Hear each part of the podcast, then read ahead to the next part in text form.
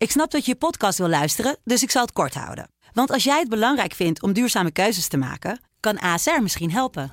Nou hoor ik je denken, hoe dan? Nou, bijvoorbeeld bij het duurzaam herstellen van schade. Of de premies die we beleggen volgens ons duurzaam beleggingsbeleid. Dat bepaalt waar we wel en juist niet in investeren. Wil je meer weten over welke duurzame keuzes ASR maakt? Ga dan naar asr.nl/slash duurzame keuzes. ASR doet het. Zo, dan kan je nu lekker naar je podcast luisteren. In deze aflevering hoor je het verhaal van Colleen Stan, de jonge vrouw die op weg is naar haar vriendin, in de verkeerde auto stapt en een horrorsituatie tegemoet gaat. Dit verhaal bevat schokkende fragmenten over seksueel misbruik, marteling en claustrofobie. Als je jonger bent dan 18 jaar of gevoelig bent voor deze details, dan adviseren we je om deze aflevering over te slaan. Je luistert naar de podcast Ontvoerd. Mijn naam is Maya Noordam en tegenover mij zit Kevin van den Berg. Ook deze week storten wij ons weer op een bizarre ontvoeringszaak die wereldwijd voor opschudding heeft gezorgd.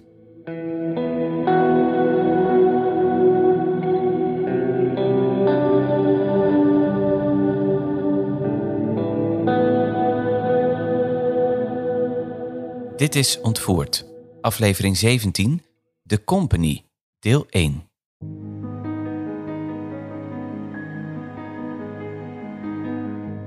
Het is 19 mei 1977. De 21-jarige Colleen Stan staat te liften langs de snelweg. Ze wil van haar huis in Eugene, Oregon naar Californië om een vriendin te verrassen voor haar verjaardag.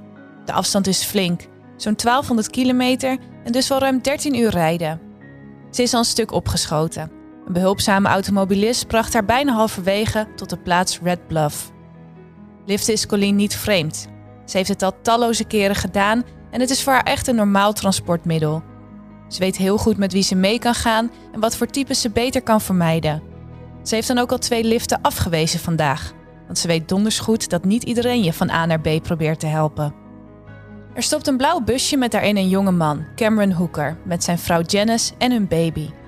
Gezin is altijd een veilige optie, dus Colleen besluit om in te stappen. Na een tijdje stoppen ze bij een benzinestation en Colleen gaat even naar de wc. Opeens overvalt haar het sterke gevoel dat ze weg moet komen. Haar instinct vertelt haar dat ze moet vluchten. Colleen overweegt daarom zelfs om uit het raampje te klimmen in de wc, maar ze zegt tegen zichzelf dat ze overdrijft en ze keert terug naar het busje. Als ze weer is ingestapt, valt haar iets op wat ze nog niet eerder heeft gezien. Er staat een soort houten kist op de stoel naast haar. Een beetje gek, maar Colleen denkt er verder niks van. Ruim 30 kilometer verderop rijdt Hoeker opeens een landweggetje op. Voordat Colleen snapt wat haar gebeurt, drukt hij een mes tegen haar keel en hij bedreigt haar. Ze wordt gekneveld, geblinddoekt en krijgt handboeien om. En dan realiseert ze zich tot haar grote paniek waar de kist naast haar voor is. Voor haar. Ze is in groot gevaar.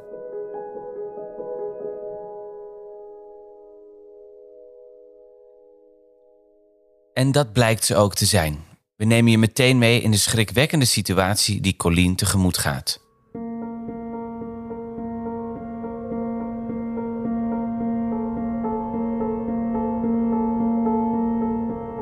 Cameron Hooker, de man waar Colleen vol vertrouwen bij is ingestapt, is een seksuele sadist.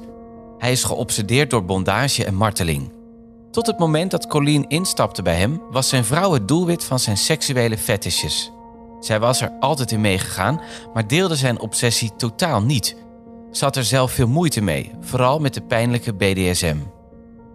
Hooker houdt niet van een sekspartner die overal mee instemt. Hij geniet ervan als iemand pijn heeft en eigenlijk niet wil. Hij fantaseert constant over iemand die geen nee kan zeggen, iemand die hij volledig in zijn macht heeft. Het is Janice te veel geworden en daarom heeft ze een overeenkomst met haar man gesloten. Ze ontvoeren samen een jonge vrouw en zij wordt dan zijn seksslaaf. Zo ontwijkt Janice zijn seksuele driften, want daar heeft hij dan een nieuwe muze voor. De twee hebben wel afgesproken dat er geen penetratie plaatsvindt met de seksslaaf. Dat is de grens. Hooker heeft veel tijd besteed aan de voorbereiding van het plan en heeft bijvoorbeeld een hoofdbox gebouwd van bijna 10 kilo. Degene die de hoofdbox draagt, wordt volledig afgesloten van natuurlijk licht, frisse lucht en geluid van buiten.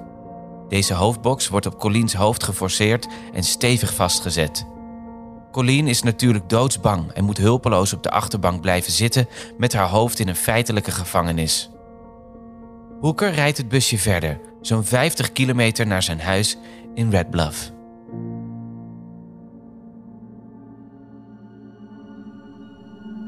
Vanaf het moment dat ze thuis zijn, voert hij direct zijn sadistische fantasieën uit.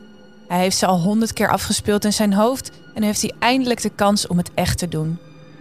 Colleen is helemaal naakt en geblinddoekt. Hij hangt haar aan haar polsen op aan de balk in de kelder en dat gaat natuurlijk na een tijdje verschrikkelijk veel pijn doen. Ze begint dan ook te huilen en probeert haar voeten ergens op te laten rusten om de druk van haar polsen wat te verlichten. Op dat moment slaat Hoeker haar. Hij zegt: Als je schreeuwt, dan snij ik je stembanden door. Als je op welke manier dan ook reageert op deze situatie, dan zul je nooit meer spreken. Nadat Colleen een kwartier heeft gehangen aan de balken, mag ze haar tenen op een box laten rusten. Door de blinddoek heen probeert ze te zien wat er gaande is, waar ze terecht is gekomen. Ze ziet een tijdschrift liggen met erop een afbeelding van een vrouw die in dezelfde positie hangt als zij. Ook ziet ze Hoeker en zijn vrouw seks hebben op de keldervloer onder haar. Hij gebruikt Colleen echt als een pornografisch object. Nadat Hoeker en zijn vrouw klaar zijn, wordt Colleen weer 15 minuten opgehangen voordat ze eindelijk omlaag wordt gehaald. Maar ze laat haar niet bewegen of rondlopen. Ze wordt in een houten box gelegd met de afmetingen van een doodskist. En alsof dat niet genoeg is, doet Hoeker Colleen ook de hoofdbox weer om en maakt hij haar polsen en voeten vast aan de kist. Zo begint Colleen's eerste nacht bij de Hoekers thuis.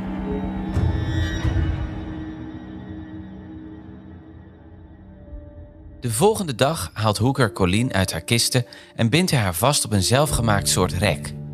Hij heeft alles nauwkeurig voorbereid om zijn martelingen uit te kunnen voeren.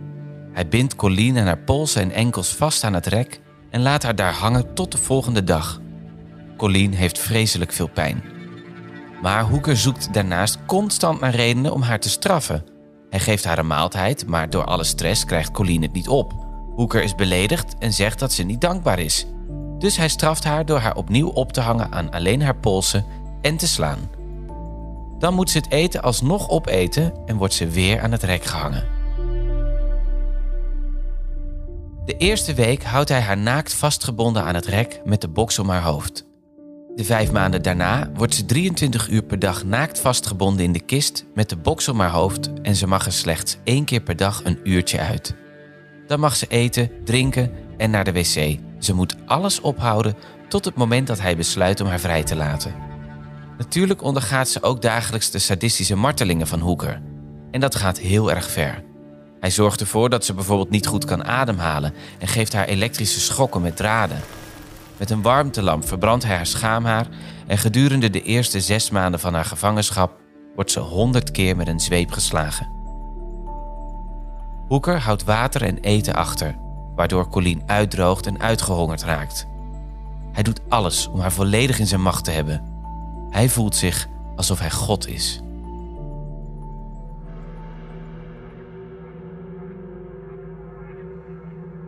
Hoeker heeft niet alles zelf verzonnen. Een van zijn fantasieën is dat Colleen een karakter is uit het boek Story of O.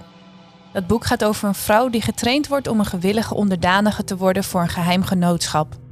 Dit karakter wordt vreselijk seksueel mishandeld door de leden van het geheime genootschap, maar het idee van het boek is dat het karakter uiteindelijk een gewillig onderdeel wordt.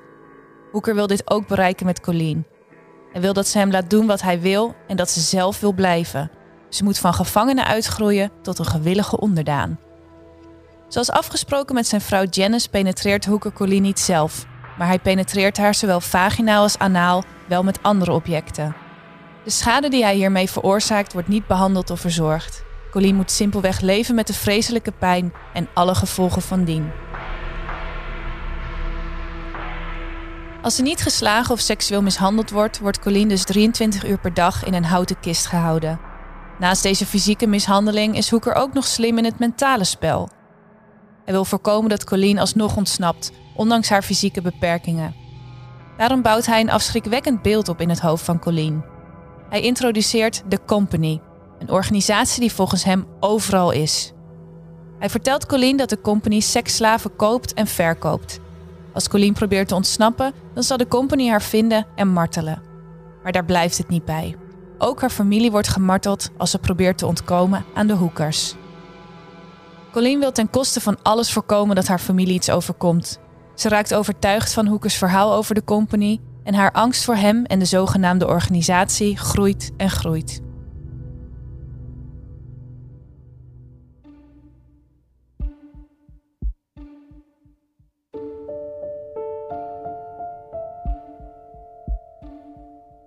Hooker doet alles wat hij kan om ook de mentale gevangenis van Colleen uit te bouwen. Op een gegeven moment komt Janice thuis na een knieoperatie. Hooker zegt tegen Colleen dat Janice net als Colleen eerst een slaaf was, maar dat ze probeerde te ontsnappen en dat de company daarom haar benen kapot heeft gemaakt. Daarom had ze een operatie nodig. Janice hoort het verhaal dat haar man aan Colleen vertelt. Ze is doodsbang en bevestigt zijn verhaal aan Colleen.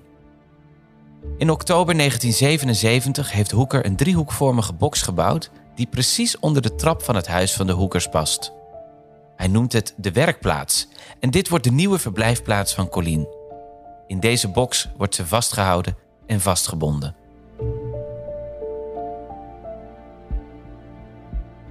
De box zelf is afschuwelijk, maar s'nachts, wanneer deze wordt geopend, is het nog erger voor Colleen. Dan wordt ze seksueel misbruikt en gemarteld. In januari laat Hooker Colleen een zogenaamd seksslaafcontract tekenen. Dat wil Colleen initieel natuurlijk niet, dus ze aarzelt. Maar Hooker zegt direct dat er een vertegenwoordiger van de company wacht tot Colleen de papieren tekent. Ze is doodsbang en denkt: als ik dit niet doe, gebeurt er iets vreselijks met mij en mijn familie. In het contract staat dat Colleen alles moet doen wat Hooker zegt. Van seks tot huishoudelijke taken en op zijn kinderen passen. Volgens het contract bezit Hooker Colleen's ziel.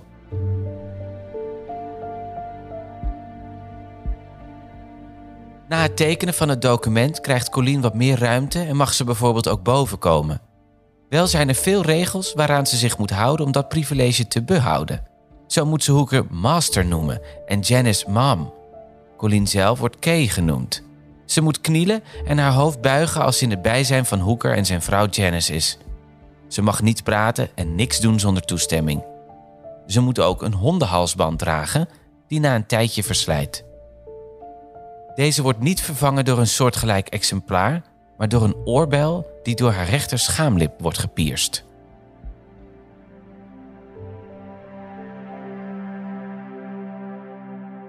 In februari 1978 gaat Hooker een grens over voor Janice.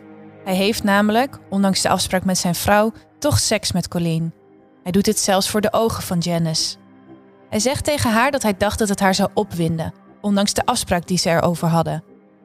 De confrontatie heeft tijdelijk effect. Korte tijd houdt Hoeker zich in, maar hij begint al snel weer opnieuw. In april, bijna een jaar na de ontvoering van Colleen, verhuizen de Hoekers naar een staakcaravan in Red Bluff. Natuurlijk nemen ze Colleen mee, die wederom in een kist wordt vastgebonden. Het waterbed in de staakcaravan wordt iets verhoogd, zodat de kist daar precies onder past en Colleen hier vanaf de zijkant van het bed in moet kruipen. Opnieuw wordt ze tot 23 uur per dag opgesloten in de kist. Ze krijgt hier een radio, een bedpan en wat toiletpapier. Op een dag is het weer tijd om een uurtje uit de kist te gaan. En Colleen kruipt dus uit de kist onder het bed vandaan. Dan ziet ze onder het bed een tas gepropt staan met een foto ernaast. Het is een jonge, knappe brunette. Colleen herkent haar als Marie Elizabeth Spanhake, een meisje dat al jaren vermist is.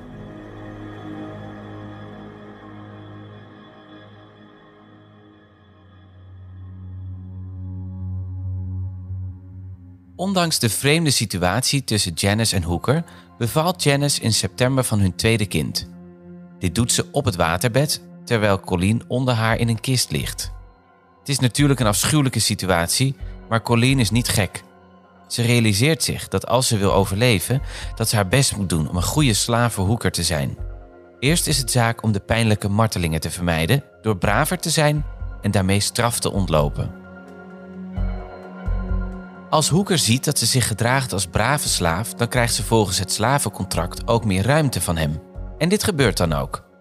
Als Janice aan het werk is, dan kookt Colleen en doet ze huishoudelijk werk. Op een gegeven moment past ze op de kinderen terwijl Janice en Hooker aan het werk zijn. Ze doet zelfs wat werk vanuit huis voor de werkgever van Janice. De Hoekers nemen haar salaris wel volledig in beslag, omdat ze haar geen ruimte willen geven om te ontsnappen. Ze hebben haar volledig in hun macht. Ze mag op een gegeven moment zelfs gaan joggen en buiten in de tuin werken. Ook helpt ze Hoeker met een bouwproject. Hoeker wil namelijk een ondergrondse kerker bouwen om hier meer seksslaven in te houden. Het duurt twee jaar om het project te realiseren. Ondertussen houdt Hoeker zich niet langer aan zijn afspraak met zijn vrouw en heeft hij één tot twee keer per week echt seks met Colleen. Colleen doet er ondertussen nog steeds alles aan om zo braaf mogelijk te zijn en een relatie op te bouwen met Hoeker. Ze laat hem weten dat ze van hem houdt en dat ze dankbaar is voor de vrijheden die hij haar geeft.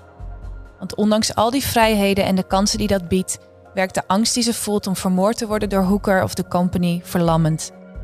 Er zijn namelijk meerdere kansen voor haar om te ontsnappen, die ze nooit pakt. Zo staat de deur van de staakcaravan altijd open. Ze kan eigenlijk simpelweg naar buiten lopen. Er zijn buren die haar regelmatig zien, maar die denken dat ze de nanny of de schoonmaakster is. Ook is er een telefoon in de staakcaravan waarmee ze de politie kan bellen. Maar de company is overal, zo is Colleen verteld. Ze kan dus nooit ontsnappen en ze doet hiertoe dus ook geen enkele poging.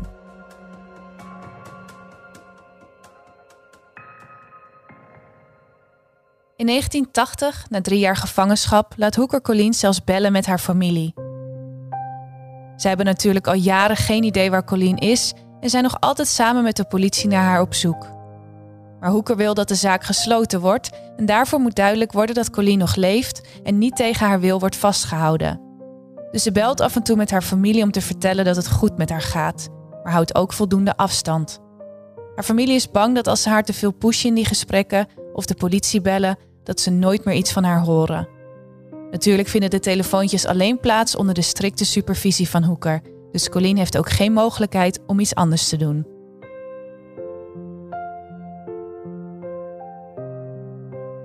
Een jaar later laat hij Colleen zelfs haar familie in haar eentje bezoeken. Hij is er zo van overtuigd dat hij haar in zijn macht heeft, dat hij het aandurft om de vrouw die hij al vier jaar gevangen houdt, haar familie te laten bezoeken. Op voorhand zegt hij wel tegen Colleen dat ze mag gaan, maar dat hij heeft overlegd met de company en dat hij 30.000 dollar bij ze heeft gestort om haar en haar familie in de gaten te houden. Elke seconde van elke dag worden ze in de gaten gehouden door de company. Zo verzekert hij haar. Maar voordat ze gaat, test hij nog wel even haar loyaliteit. Hij laat haar een pistool in haar mond doen en de trekker overhalen. Het pistool is gelukkig leeg, maar deze situatie is tekenend voor het niveau van onderwerping van Colleen. Ze doet wat haar wordt gezegd. Dus zelfs wanneer ze bij haar familie is, doet ze niets om ze te laten weten dat ze in gevaar is. Ze is in haar vertrouwde omgeving, omringd door mensen die van haar houden. Maar er zit een voor anderen onzichtbare laag tussen Colleen en haar familie. Ze kan niets zeggen, want ze gelooft dat haar familie in gevaar is en in de gaten wordt gehouden door de company. Ze is doodsbang en zegt dus helemaal niets.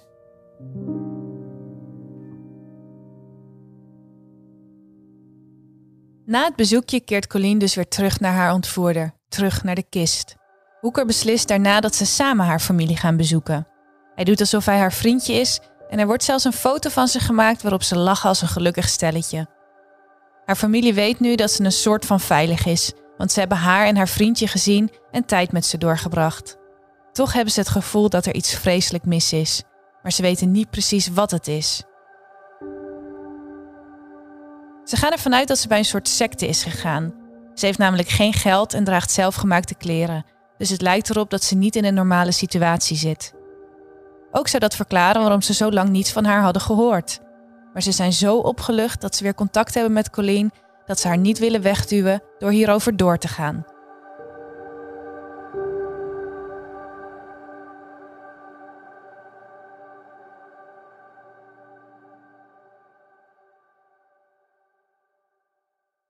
Tot zover het eerste deel van dit afschuwelijke verhaal. Hoe het afloopt voor Colleen Stan en meer over de company en de hoekers hoor je volgende week. Wil je alvast een beeld krijgen van Colleen? Kijk dan op onze Instagram-pagina, ontvoert de podcast. En wil je altijd als eerste onze podcast beluisteren? Abonneer je dan op Ontvoerd.